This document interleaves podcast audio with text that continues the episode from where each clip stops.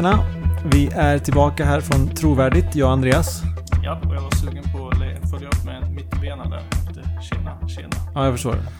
Du höll dig. Jag höll mig. Vi är som sagt tillbaka och vi... Eh, det här är podden då som eh, vill hjälpa dig som vill förklara och försvara den kristna tron. Eh, och vi är mitt inne i att eh, svara och eh, resonera kring ett antal invändningar som vi har fått mot de argument som vi presenterade i säsong 1 av Trovärdigt. En eh, person som är fortfarande anonym. Eh, Ja, jag tror det. Jag har inte hittat namnet i alla fall. Men bloggen och Facebook-sidan heter i alla fall Anti-apologetik. Och han har gett sig i kast med att svara på de avsnitt vi har haft. Och vi har redan avverkat ett av dem när det kom till hur världen ser ut om inte Gud finns. Så det får du gärna lyssna på om du inte gjort det. Eh, och idag så ska vi ta eh, den första delen av ett ganska långt eh, inlägg som han har skrivit om det kalam-kosmologiska gudsargumentet. Den andra delen är finjusteringsargumentet och det återkommer vi till i ett senare avsnitt. Man kan väl säga så här, han är inte så imponerad av de argumenten och tycker att det finns en del eh, hål i dem. Och han tycker det finns hål i, i våran argumentation när vi försöker presentera de här argumenten. Så vi ska väl försöka förklara eh, och reda ut lite hur vi har tänkt när vi har sagt olika saker. Eh, för vi, vi upplever att det finns lite missförstånd och att vi tänker olika. Så det ska bli, det ska bli kul att sätta tänderna i det här. Tack eh, återigen för ett säkert ganska, ett, ett, inlägg som tagit ganska mycket tid att skriva, gissar jag. Så att det är kul att någon har gett sig an att svara på det. Nu har jag inte frågat i förväg, men ska vi bara påminna om premisserna i själva eh, kalamargumentet? Ja, vad är kalam? Argumentet. Kalamargumentet, kalamargumentet, hur man nu uttalar det. eh, Är ett eh, argument som syftar till att visa att Gud existerar utifrån att universum tycks ha en, eh, en början. Och det lyder så här, i, om man liksom sätter upp det i premissform och en slutsats. Första premissen lyder Allt som börjar att existera har en orsak. Och så kommer vi till premiss två. Universum har en början. Och då följer slutsatsen logiskt av det här argumentet att alltså har universum en orsak. Och det som är intressant nu är att börja undersöka de här premisserna. För logiken i argumentet håller. Det, det är givet liksom. Är de här premisserna... Och det köper även eh, antiapologetik. Ja, Mm. precis. Han har inte invänt mot logiken i argumentet utan han invänder ju mot innehållet i premisserna. Ja, och vill du veta mer om argumentet så får du jättegärna gå tillbaka och lyssna på avsnittet vi hade om argumentet. Men eh, han börjar inte direkt på premisserna utan han eh, går först åt att vi inte är kosmologer, vi som diskuterar. Och han erkänner sig själv inte vara det. Och den här versionen som vi har tagit fram det är ju William Lane Craig, apologeten, som har gjort den mest populär. Och då kan vi väl säga att det är vi ju inte. Eh, Nej, och, han eh, är ju snabb att påpeka att inte heller William Lane Craig är kosmolog. Nej, just det. Nej, men det var det jag försökte få fram. Det var det jag försökte få fram. Men, eh, och, det kan vi erkänna att, det- att det är ju sant. Men vi ska inte på något sätt, tycker jag, diskvalificera oss som kapabla att förstå och läsa texterna av kosmologer. Vi ska inte helt... Det, det finns ett sorts argumentation som, som man kallar för att man argumenterar från auktoritet. Nämligen att, att för att den här personen säger det så är det sant. Men det viktigaste är innehållet och det vi resonerar om, inte vilken titel den personen har som skriver om det. Precis, vi lyssnar ju till auktoriteter just för att de har expertis och, det. och så. Men det är fortfarande vad de säger är viktigare än vad Vilken titel de har. titeln de har. Ja. Ja men det, det är bra. Så det, och, och det menar jag, det, det tänker jag att eh, även anti-apologetik säger ju att han inte är kosmolog. Nej, det är du inte, men även, även, eller det kan ju vara en hon också, jag vet inte. Ja, det är sant. Han eller hon. eh, det antog vi förra avsnittet. Ja, vi antog, vi könade det var anti-apologetik. dåligt. Då ber jag om det var inte bra. Eh, uppvisar ju också exempel på att kunna resonera, att eh, liksom väga argument för och mot varandra. Även fast Absolut. hen inte är, är en eh, kosmolog. Kosmolog. Men han går också vidare med att säga att många kosmologer håller inte med om det här eh, argumentet. Kan vi säga någonting om det? Ja, det, det, det är ju säkert så att det finns kosmologer som inte köper det här argumentet. Eh, och då behöver man ju titta på ja, varför gör de inte det? Är det någon speciell premiss i argumentet som de inte håller med om? Eller vad är det som eh, gör att de inte håller med. Återigen, det blir ju innehållet vi får Det titta blir innehållet på. som vad är viktigt. argumenten liksom? Precis, ett sånt som kan få illustrera det är ju bara till, till exempel att en av de mer kända kosmologerna, Alexander Vilenkin, som har skrivit mycket om det här. Hans anledning för att inte hålla med om argumentet är att han, eh, inte att han motsäger sig eh, den premissen som pratar om kosmologi, nämligen att universum börjat existera, utan han har ju problem med första premissen istället. Just det. Så han, där går han in på filosofiska anledningar istället. Och där är ju han ju, han är ju ingen filosof i grunden, så att han, där är han ju lika mycket Lekman som lekman som vi. Ja. Så att, eh, precis. Så att, man- det är innehållet som är det viktiga, inte om en person med viss titel håller med eller inte. Men, det- men det tror jag att vi alla faktiskt håller med om. Om vi går vidare då och ger oss in på de här premisserna som vi har pratat om då. Då kommer vi först till, nat- i naturlig ordning, till premiss 1. Eh, och han skriver här att, eh, att den, första, den första invändningen jag har mot argumentet är premiss 1. Vilket är angående extrapoleringen av kausalitet utanför universum. Så han, här invänder han mot att premiss 1 skulle vara sann. För att det vi sa var att, som jag förstår den här invändningen i alla fall, så handlar det om att vi i världen eh, ser att saker och ting behöver en orsak. När någonting sker så finns det alltid en orsak. Det är vår vanliga upplevelse. Något som är ett upphov till det som händer liksom. Och, och ja, sen då tycker jag att det är konstigt att vi tar den, den tanken och sen sätter den på hela universum. Ja, kanske en sammanfatta så här. Om det kommer en fotboll flygande mot mig. Jag ser ingen fotbollsspelare så kommer jag ändå anta att det är någon som har sp- sparkat på fotbollen. Eller på något sätt i alla fall skjutit iväg fotbollen Ja. mot mig.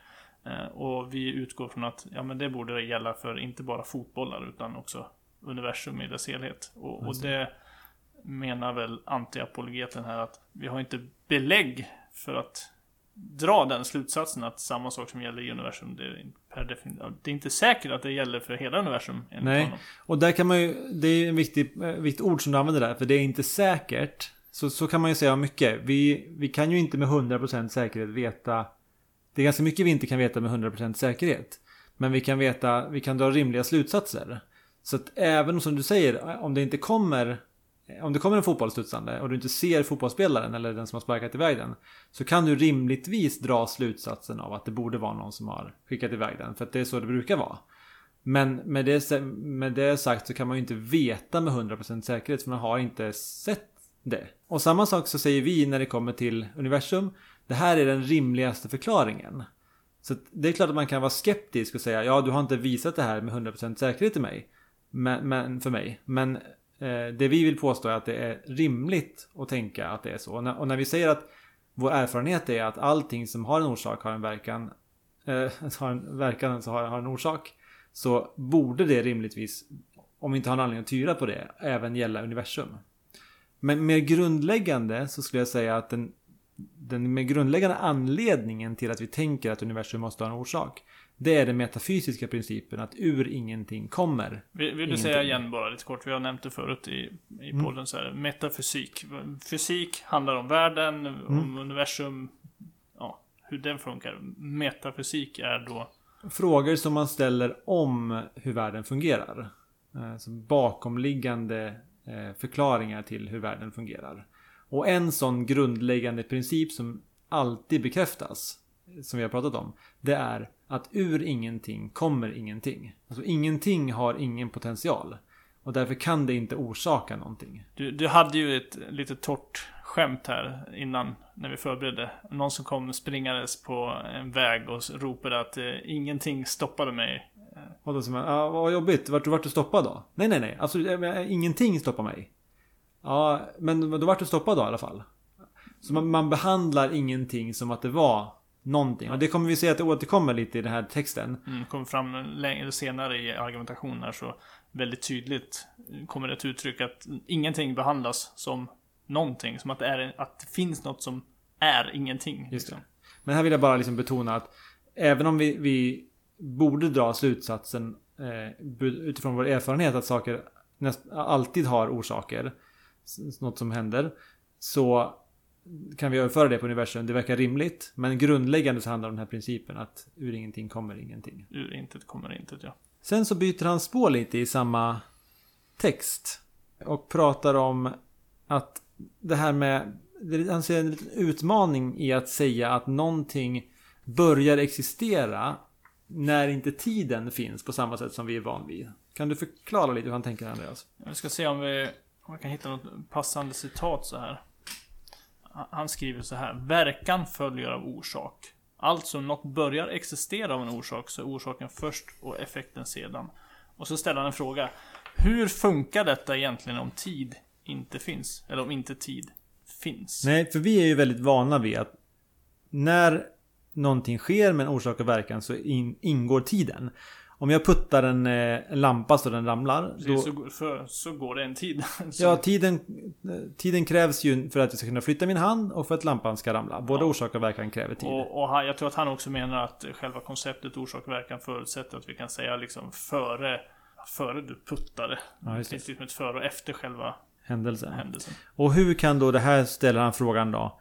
Kan det här se ut när det handlar om universum där tiden börjar existera? Samtidigt som universum börjar existera. Det, vi menar ju både tid och... Ja, Rum. tid, tid och rum ex börjar existera och hur Sammanfattat egentligen är ju argumentet här eftersom inte tid och rum eller framförallt eftersom det inte har funnits tid så kan inte kan vi inte veta att det här orsak-verkan sambandet Jag skulle nästan... fungerar överhuvudtaget. Jag skulle nästan inte vilja kalla det för ett argument. Det här är mer en undran över det här hur det kan fungera. det. Och det är en viktig princip. Frågor är inte argument. Alltså bara för att du säger det här vet inte jag hur det fungerar. Eller det här har jag svårt att se. Så är inte det en invändning för att det inte skulle vara så. Om man vill ha en argument i det här fallet. Då får man försöka visa varför är det omöjligt för Orsak-verkan. orsak och verkan att finnas utan tid. Då blir det ett argument.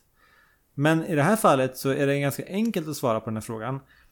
Man behöver bara konstatera att orsak och verkan sker simultant i det här fallet, alltså samtidigt. Om du tar en boll och lägger den på en kudde.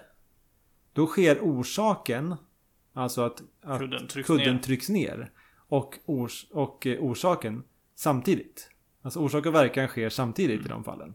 Och samma sak är det ganska naturligt att tänka att när Gud skapar universum så är den stunden som Gud skapar universum.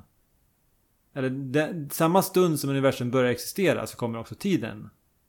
Ja, och orsaken, existera. precis. Orsak och... Orsaken till att universum uppkommer är simultan med att universum uppkommer. Det är inte som att orsaken är vid ett tillfälle och så går det fem timmar och sen Sen uppkommer universum liksom. Utan orsak och universum sker vid samma tidpunkt. I tidpunkten när tiden också uppkommer. Man skulle kunna till och med tänka sig att om, om vi nu kanske går före oss lite, för slutsatsen är att Gud har gjort det här. Mm. Om, man, om man föreställer sig att Gud innan han skapar världen räknar ner 3, 2, 1. Nu skapar jag världen. Då finns ju tiden innan Ja, just det. på ett sätt. Dithän har vi inte kommit än att... Nej. eh, Nu, nu, nu sa vi så här när Gud skapar världen den så. Vi är ju inte framme vid Gud ännu. Nej. Men, nej, men poängen är fortfarande att orsak och verkan kan ske samtidigt. Vad det nu är som ger upphov till, till universum så skulle det kunna ske i samma stund. Ja, och därför så är de inte... Finns det ingen, ingen problem med att eh, det inte finns en tid eh, när vi pratar om universums skapelse, för de kan ske simultant. Och det, jag tror att vi tog upp det även i, i podden, men eh, vi Det är betonar bra det att gärna få igen. repetera. Ja. Ska vi gå vidare? Ja, han, eh, han skriver så här. Ett, ett annat problem som också tas upp i podden är problemet att extrapolera en empirisk observation till att gälla även utanför universum. Eller på universum i sin helhet. Det, det är ett problem att vi, att vi gör den här extrapoleringen. Att, att vi i vardagen observerar att allt som har en början alltid har en orsak. Att det också gäller eh, vårt universum. Har vi någon god anledning eh, för att tro att det är sant? Alltså den, det, här, det här har vi svarat på redan. Den, den rimliga... Den, rimligheten i det antagandet ligger ju i att eftersom vi alltid har den upplevelsen så är det rimligt att tänka att den gäller även den här upplevelsen.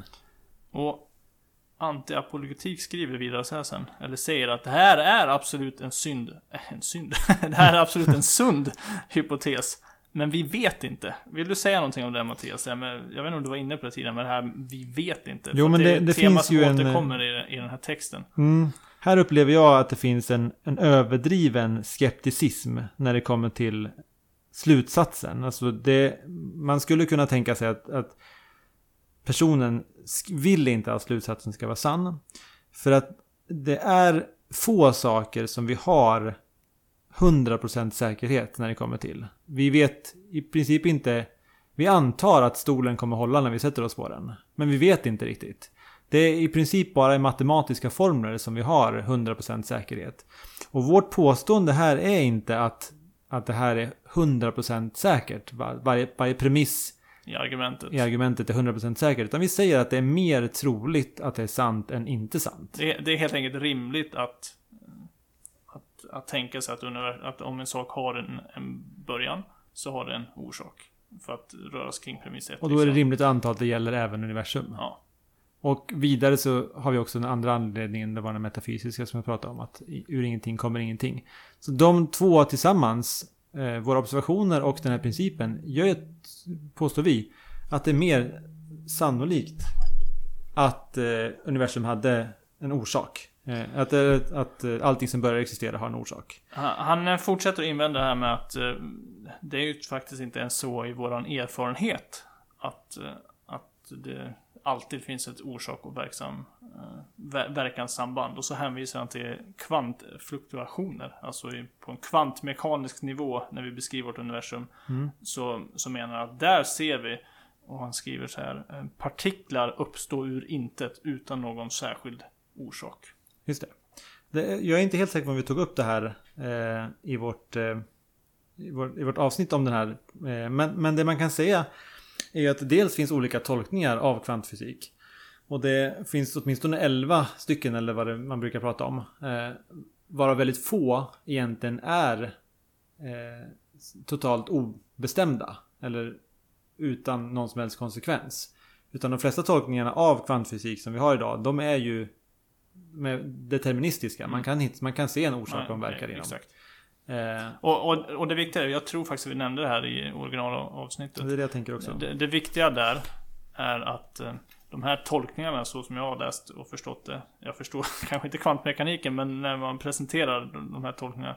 Så är det så att säga samma empiriska underlag för ja. alla tolkningarna. Ingenting så, står högre än det andra nej, när så, det kommer till hur sannolika de är. Nej, så till exempel Köpenhamnsskolan inom kvantmekaniken är lika, i nuläget i alla fall, lika empiriskt belagd som ja, som någon av de andra 11-12 olika tolkningar som finns. Mm. Eh, så, så jag, jag, tycker att han Han gör väldigt mycket av kvantmekaniken här och kanske skulle vara lite mer eh, Hålla igen lite. Det är inte helt säkert att det är så kvantmekaniken fungerar. Nej, och vi kan ju också lägga till då, kanske ännu mer grundläggande, att när fysiker pratar om eh, de här partiklarna som uppstår ur intet så menar man inte det samma sak som vi gör när vi säger ingenting. Vi var väldigt tydliga med att, att ingenting betyder inte någonting.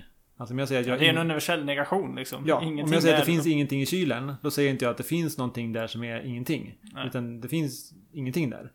Eh, men när fysiker i det här sammanhanget pratar om ingenting. Det man menar då är ju eh, vakuum oftast. Ja, ett kvantvakuum. Kvantvakuumet. Och det kan vi konstatera är inte alls det vi menar med ingenting. Utan här pratar man om en ganska rik struktur av energier som, som, som producerar de här partiklarna. Den som vill uh, lyssna till en, en, en uh, icke-troende fysiker som pratar om det här kan ju lyssna till Lawrence Krauss, tror han heter. Uh, som har debatterat bland annat med den här mannen som nämnde förut, William Lane Craig. Där han jobbar stenhårt för att så att säga definiera om ingenting till att vara det här kvant... Eh, det. Ja, kvant, kvantvakuumet liksom. Att det är det som är ingenting. För, mm. och, och, det gör han ju då för att visa att ja men där kan de här sakerna ske. Men då har man ju gjort en förflyttning liksom. Då har vi rört oss från det här begreppet ingenting som är absolut inget till någonting som är någonting. Ja, ett, så ett det, är inte, det är inte ett exempel på när någon kom, någonting kommer ur ingenting helt enkelt. Så det, där har vi inte, det var inte, ett, det var inte någonting som ger stöd åt det, den tanken. Så därför så vill han då hävda att, eh, skriver han bara för att avsluta den delen, eh, att premiss 1 inte är sann. Eh, och det här bör man dra slutsatsen att vi vet inte. Och det vill han ofta göra. Vi, eller, personen som skriver det här, ursäkta mig, jag drar slut. vi drar förhastade slutsatser ja. att det är en, en kille. Eh, utan när vi kollar på argumenten för premisserna så vill vi mena att det är mer sannolikt än inte att premiss 1 är sant. Det allting som börjar existera både vår erfarenhet och vår metafysik. Eh, och vi har inte sett exempel emot det. att allting som börjar existera har en Ja, orsak. han han säger den rimligaste hållningen bör vara vi vet inte som svar på premiss 1. Och, och det tycker vi inte är den rimligaste den, hållningen. den utgår ifrån en, en skeptisk hållning till Ja, en över, skulle jag säga, en Överdriven skeptisk. överdriven eh, skeptisk hållning. I nästa del så vänder sig anti-apologetik emot premiss 2, att universum har en början. Och han invänder sig emot en av in, äh, anledningarna vi gav till att det var så. Så här skriver han. Här hänvisar man till värmedöden. Alltså att universum långsamt kallnar och att det till slut inte kommer finnas någon termodynamisk fri energi kvar och således blir mörkt, kallt och livlöst i all evighet. Möjligtvis. Och, och det stämmer, det gjorde vi. I vår podd så hänvisade vi till termodynamiken som någonting som pekar mot att universum har en början. För att om, om universum hade varit evigt så borde vi redan ha kommit fram till det här tillståndet av ett mörkt, kallt, tråkigt Precis som universum. att man hittar en kaffekopp på bordet som eh, är varm. Så vet man att den inte stått där för evigt. För då Exakt. hade den varit kall redan. Precis. Och på samma sätt när vi ser att universum fortfarande är full av liv så vet vi att den inte kunde funnits för evigt för då hade den redan varit kall och död som han beskriver här. Det, det argumentet gav vi. Eh, sen skriver han att han inte är övertygad om det.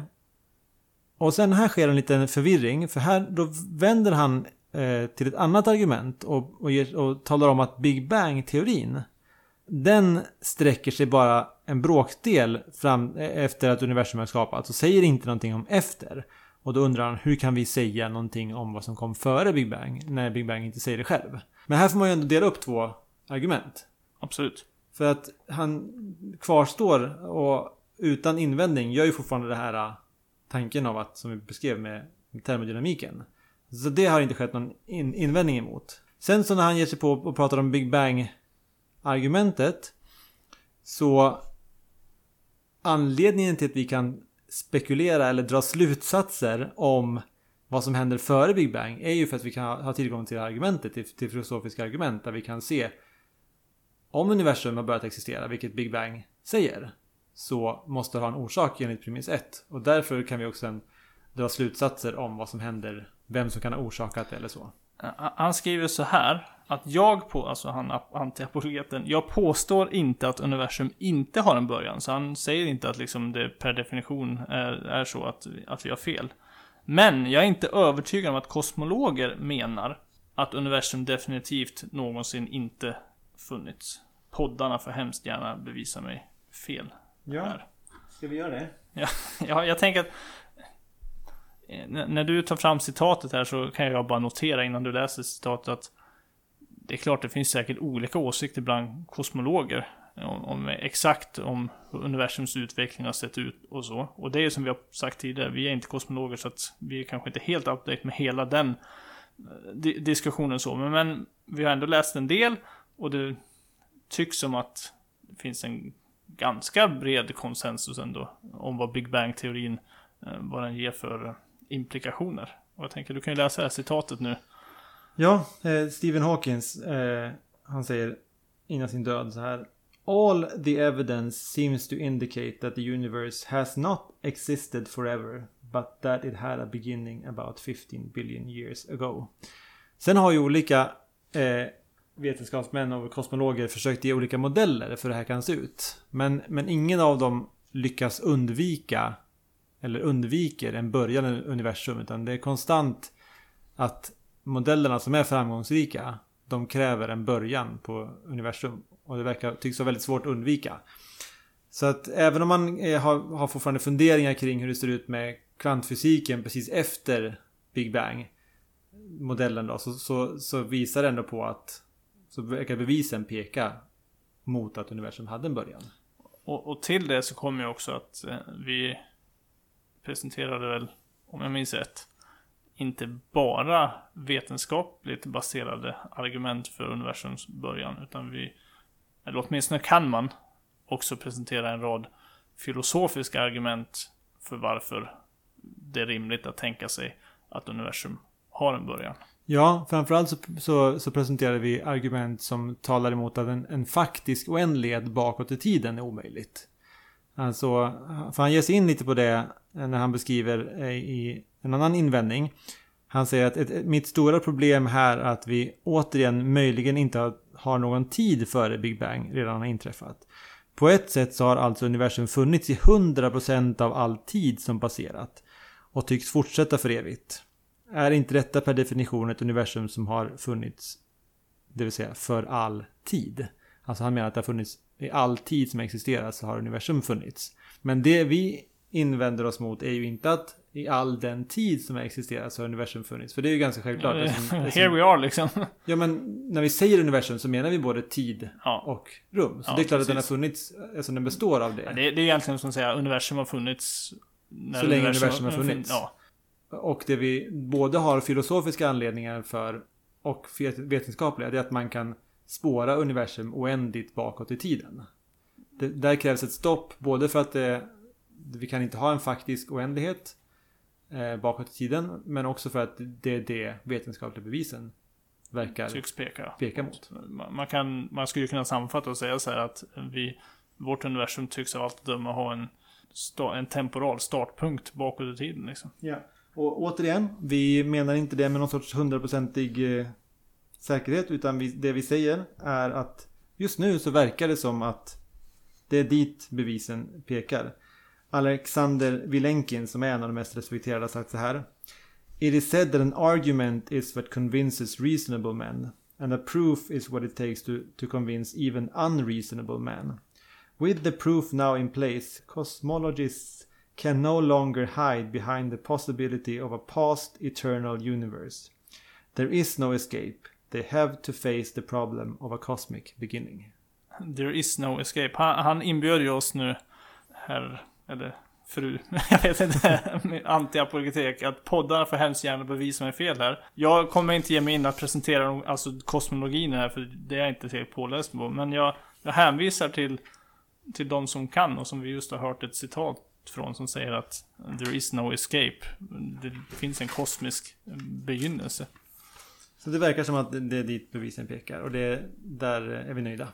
Han, han fortsätter så här när han ska sammanfatta nu eh, problemen med premiss 1 och premiss 2. Sammanfattningsvis kan man säga att jag inte ser det som självklart att vare sig premiss 1 eller premiss 2 definitivt är sanna.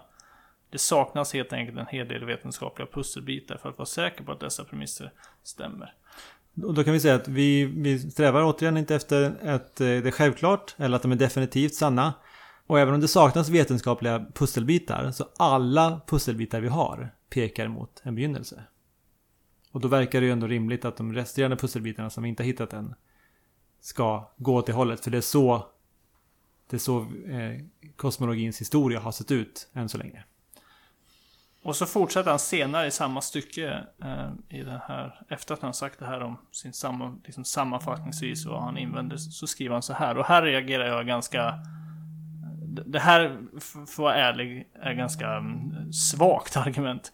Han skriver Det bästa jag har hört hittills är spekulation och extrapolering. Vi har trots allt inga andra universum att jämföra oss med. Vi har dessutom den vanliga invändningen, och, och det här är ju den som vi har nämnt här. Vi har dessutom den vanliga invändningen att någonting kan inte komma från ingenting. Men även där har vi inte tillgång till något ingenting att undersöka. Är det överhuvudtaget möjligt att ha absolut ingenting? Och här, här ställer han en fråga, är det överhuvudtaget möjligt att ha absolut ingenting? Och, och det är ju som du sagt förut, att ställa frågor är inte, det är inget argument i sig. Man, man kan ställa massa olika typer av frågor bara. Eh, Då får ju han ge mig ett argument för varför, varför det skulle vara omöjligt för, för ett universum att inte existera och det inte skulle finnas någonting. Men, men det, det är framförallt i det här resonemanget som jag finner väl nästan lite komiskt är hur han hanterar ingenting. Han säger, eh, hans invändningar är så här, vi, har, vi kan inte undersöka ingenting. Så vi vet inte hur ingenting fungerar. Problemet är att han, han resonerar ju kring ingenting som att det är, Som att det en, någonting- som att det är man- en sak. Är någonting man kan lägga på bordet och skära i liksom. Ja. Nej men visst, det, då, blir det ju, det är nästan som man, man strävar efter, man sträcker sig efter någonting. Eh, gör allt vad det kan för att undvika slutsatsen. Ingenting är ganska lätt att definiera som att det inte är någonting. Och då finns det heller ingenting att undersöka.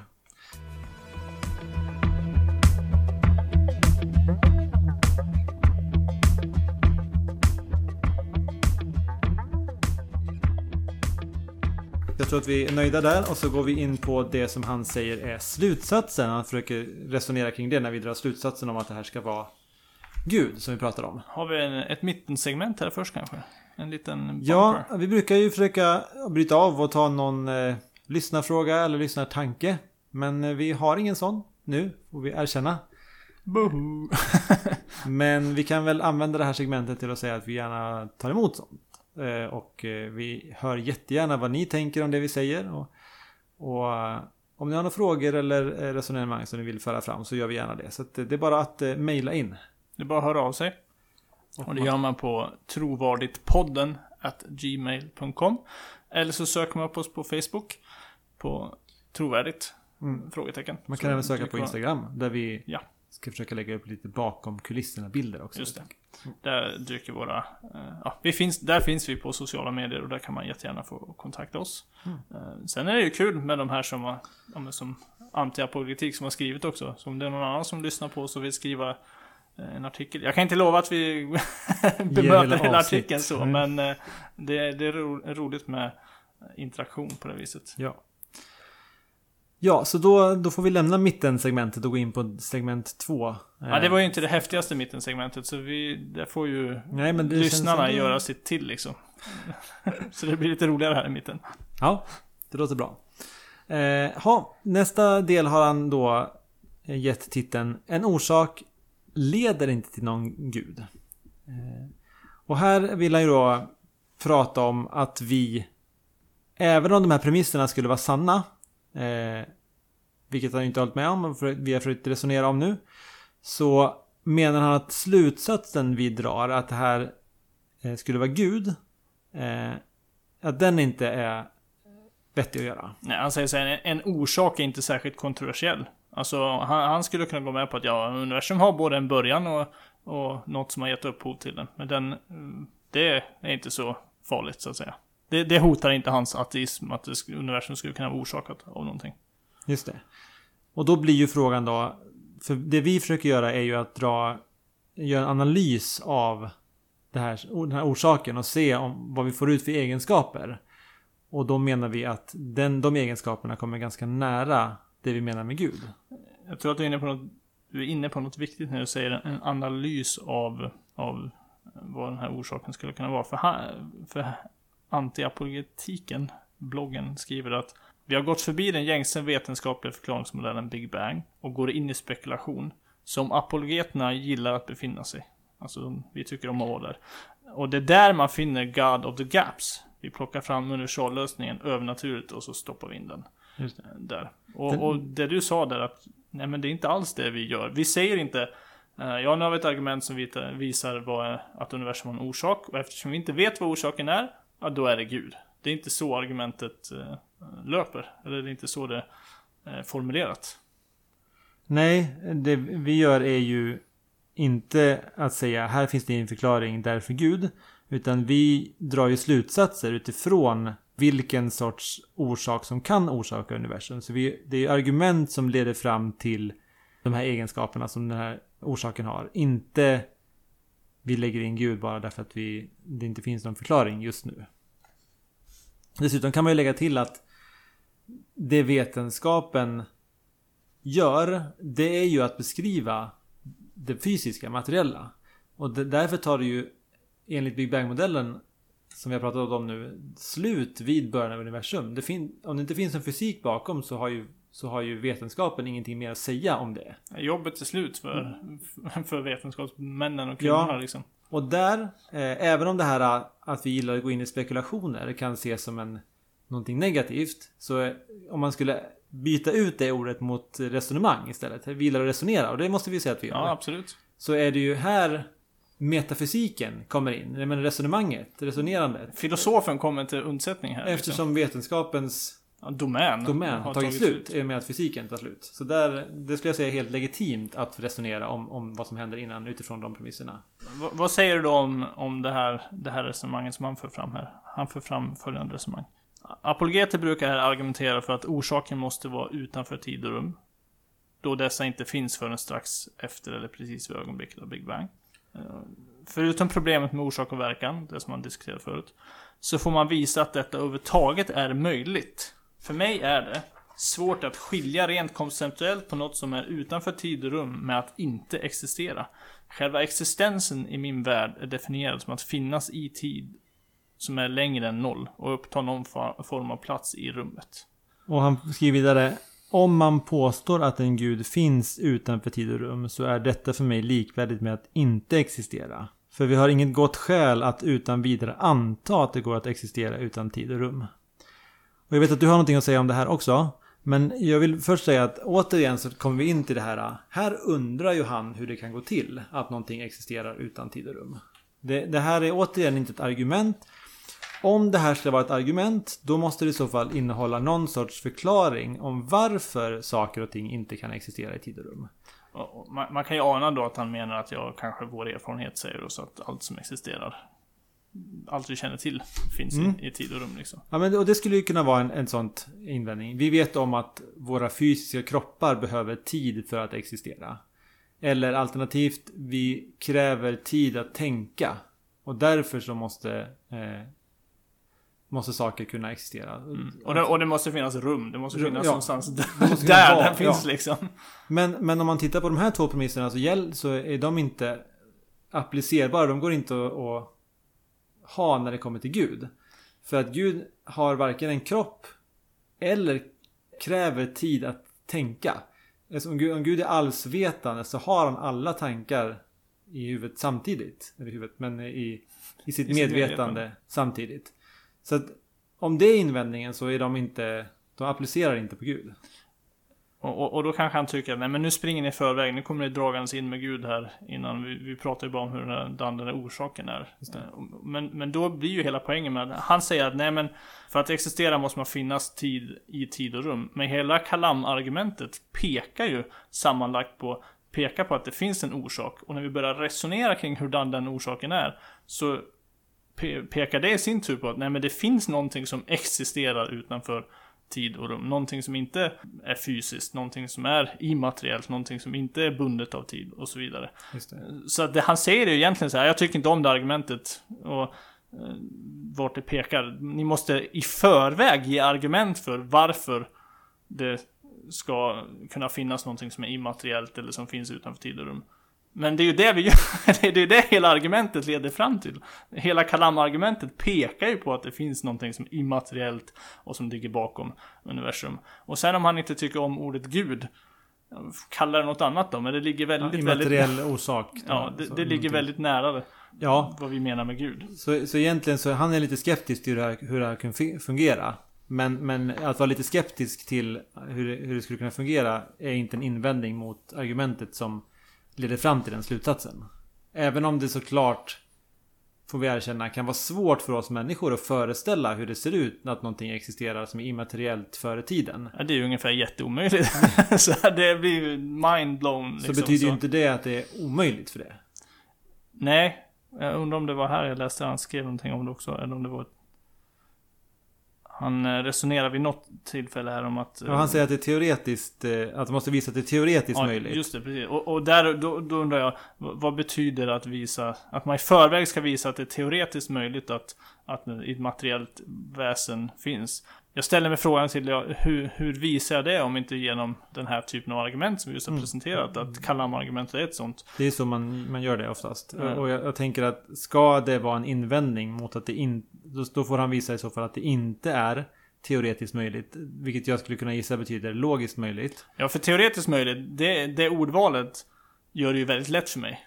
För i teorin så kan ju alla möjliga saker existera. Ja, liksom. ingen, inte svårt. Det är ju bara att säga, ja det är teoretiskt möjligt att det finns en gud. Det, det, skulle ju, det borde ju den mest hårdföra ateisten också kunna gå med på att ja, ja, i teorin är det möjligt, men i praktiken så har vi inga som helst skäl att tro att, att det är så. Men Nej. att det är teoretiskt möjligt, det, det känns som att då har han gett oss, då har han gett mig upp ett mål här liksom.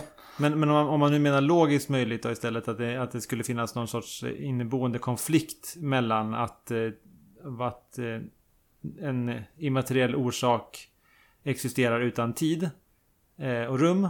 Då får han i så fall vara mer explicit när han förklarar. Ja, vad, vad den... Eh, vad går det I så fall skulle den logiska mm. omöjligheten bestå i. jag, jag ser inte heller där att det finns någon Mm. logisk omöjlighet. Men nu du, nu kommer han till det som är som han beskriver som det svagaste hittills. Oj, Ett fullkomligt befängt och trasigt argument. oj, ja. Mm. Och det här är när vi, när vi försökte förklara varför vi tänker, eller gav en anledning till att tänka att den här orsaken också är personlig. Just det.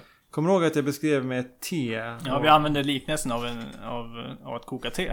Mm. Och att vi kan... eh, När vi ska förklara varför te kokar så skulle vi kunna säga att eh, ja, teet kokade för att vattnet då hettats upp till 100 grader på grund av att stå på en spis liksom. Mm. Och att det finns, eh, det finns en fysika- fysikalisk förklaring till varför vattnet bubblar. Och vad ville vi visa med den modellen då? Ja, vi vill ju bara visa att när, när vi så att säga ska försöka, för att använda hans uttryck då, spekulera. om jag hellre vill använda mitt eget uttryck. När vi försöker analysera, resonera kring hurdan är den här orsaken som vi har kommit fram till i argumentet.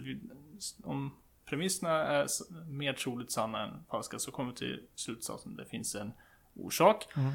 Då infinner sig frågan, hurdan är den här orsaken? Och då börjar vi resonera kring det. Och då försöker vi bara ställa upp de olika möjliga alternativen, de olika, vad finns det för möjliga förklarings... Liksom, hur, Vad, vad finns det Modeller, för liksom. orsaker? Ja, vad finns, exakt. Vad finns det för olika typer av orsaker? Vad känner vi till för olika typer av orsaker? Då är ju fysikaliska orsaker, det är vi jättebekanta med. De möter vi varje, varje dag. Eh, det- Han är inne på, beskriver regn och alla möjliga saker i artikeln här. Det finns fysika, fysikaliska förklaringar till varför det regnar ute. Eh, Det är en typ av orsaker. Och hela den här T-liknelsen, det var ju inte så mycket ett argument som en illustration av att vi känner till olika typer av orsaker. Vi känner också till agens, alltså en person som agerar. Det är en annan slags orsak. Att det kan vara en, en människa som har slagit igång, börjar koka te liksom. Så det finns två olika typer av förklaringar. Och här så kan man väl säga att han missförstår, eller personen missförstår argumentet eh, ganska rejält. Så som jag, när jag läser texten så, så, som, som är skriven så tänker jag att han tror att alla förklaringar vi har måste innehålla en personlig förklaring. Att vi menar det. Att vi, att vi menar det. Sam, samtidigt så vid ett tillfälle så säger han att det inte är så. Men jag, jag tycker ändå att hela argumentationen går ut på det. Och då vill jag bara förtydliga att det vi menade var att det finns två typer av förklaringar. Den fysikaliska och den personliga. Och innan universum existerar, alltså när, när den här orsaken sker. Då finns det ju ingen, då finns det ingen fysisk förklaring. Och det enda vi har kvar då av det vi känner till är ju den personliga förklaringen. Om, om, om, det skulle vilja, om antiapolitik skulle vilja ha ett, komma in med ett tredje alternativ. Då är det fritt fram att göra det. Men än så länge känner vi till de här två typerna av förklaringar. Och det gör att det är bättre att ha någon förklaring i alla fall. Men ingen förklaring alls ja. Om det finns två stycken möjliga förklaringar och den ena går att utesluta. Då är det ganska självklart att den andra förklaringen är den som gäller. Och antiapologetik han argumenterar ju för att nej men så får ni inte göra. Ni får inte ställa upp de möjliga förklaringarna och sen bara utesluta. För ni måste i förväg ge ett argument för att det skulle kunna finnas en, en personlig orsak. Återigen så har jag sagt då att då får ni inte använda Kalam-argumentet som ett argument som pekar mot att det finns en personlig orsak. Det, det blir ett väl, för mig blir det väldigt märkligt att säga att vissa saker måste du bevisa innan du kan börja argumentera för dem. Det blir ett märkligt sätt att resonera. Ja, och, och vill han då återigen, vill han invända med att säga att det kan inte finnas en personlig förklaring. Då vill ju han höra ett argument för det. Precis. Men han kan inte exkludera det som förklaringsmodell utan anledning. Ja, och jag minns inte om vi tog upp det i, i podden, det kanske inte gjorde. Det finns ju ytterligare argument för varför den här orsaken behöver vara personlig. Till exempel eh, så infinner sig frågan om det finns en orsak till universum, varför är universum ba, bara, nu gör jag sån här kaningrejer igen, varför är universum eh, bara 13,7 miljarder år eller 15 miljarder eller hur man nu daterar? Varför är inte också universum evigt? För om det finns en orsak som eh, ligger bakom universum och den är evig så borde han gett upphov till ett evigt universum. Men här har, är vi i ett, i ett universum som har en, en startpunkt. Och den bästa förklaringen till det är att ja, men det här är ett personligt väsen som vi något, vid någon, i brist på bättre ord, tidpunkt, fast vi inte kan prata om tid innan tiden, men som vid ett tillfälle har beslutat att nu skapar jag universum. Det är, ett, det är ett annat argument så, men Ja, så det finns flera. Men vi är ändå beredda att stå fast vid det här. Och jag håller helt enkelt inte med när, när det påstås i den här texten att det här skulle vara ett cirkulärt resonemang. Det är som, som när man antar att det finns en personlig slutsats.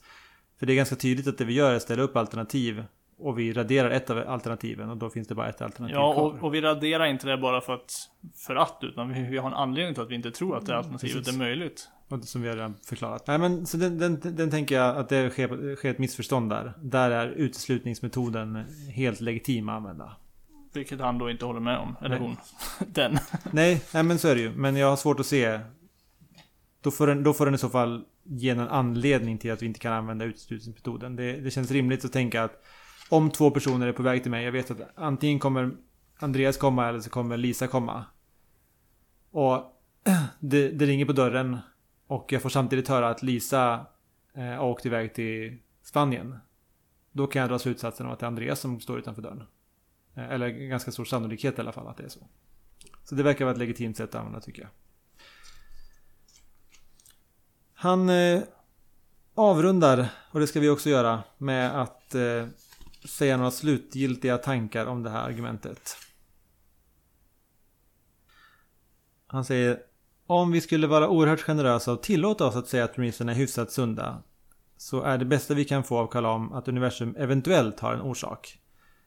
Eh, och här skulle vi säga då att, eh, att det verkar mer troligt att det har en orsak. Eh, och vi har också kollat på hur det orsaken ser ut. Är det någonting mer du vill säga Andreas om hans slutsats här? Jag har en sak till men om du vill säga någonting mer.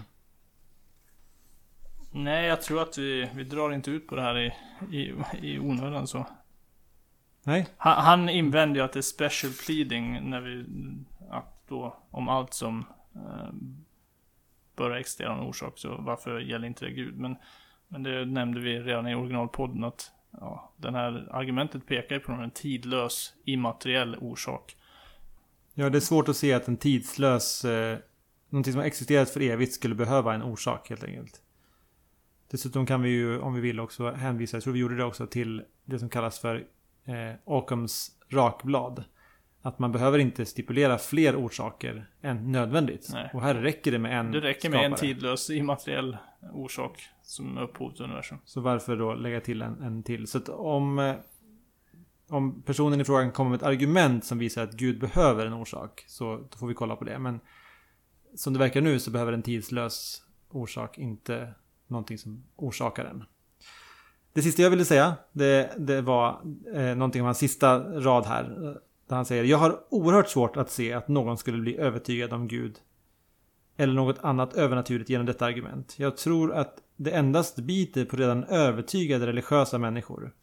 Varför skulle man basera en världsbild helt och hållet på en spekulation? Och återigen spekulation, eh, resonemang och jag tror att resonera det kan vi vara stolta över att vi gör. För mig personligen i alla fall så var det här ett av de argument som, eh, som övertygade mig om att Gud finns och blev intresserad av kristen tro. Jag tycker fortfarande att det är ett väldigt fascinerande argument. Och det tycker jag vi har sett nu när vi har pratat om det här. Vi tar oss in på alla möjliga olika med- kvantfysik och vi kommer in på termodynamik och, och så det här är ett, ett argument med oändlig potential nästan, skulle jag säga. Men, eh, och jag, min, min erfarenhet är också att det är många människor även utanför kyrkan som blir fascinerade av det argumentet. Eh, Och jag hoppas att det här varit en fascinerande diskussion för er som har lyssnat. Vi hoppas att vi inte har babblat för mycket. Ja, att ni lite kan ha fått med. Vi har försökt läsa en, en del urdrag ur hans artikel. Jag tänker att vi länkar till artik- artikeln så folk kan läsa den Ja, själva. och det kan man följa med samtidigt om man skulle vilja det. Men vi vill säga tack till dig som har lyssnat. Och tack, till eh, Kid Amazed. Kid Amazed som gör eh, fantastiska låtar på Spotify. Kolla gärna in honom. Tack till Antiabrogetik för din text. Och eh, vi hoppas vi ses igen. Ha det bra. Ha det gott. Hej.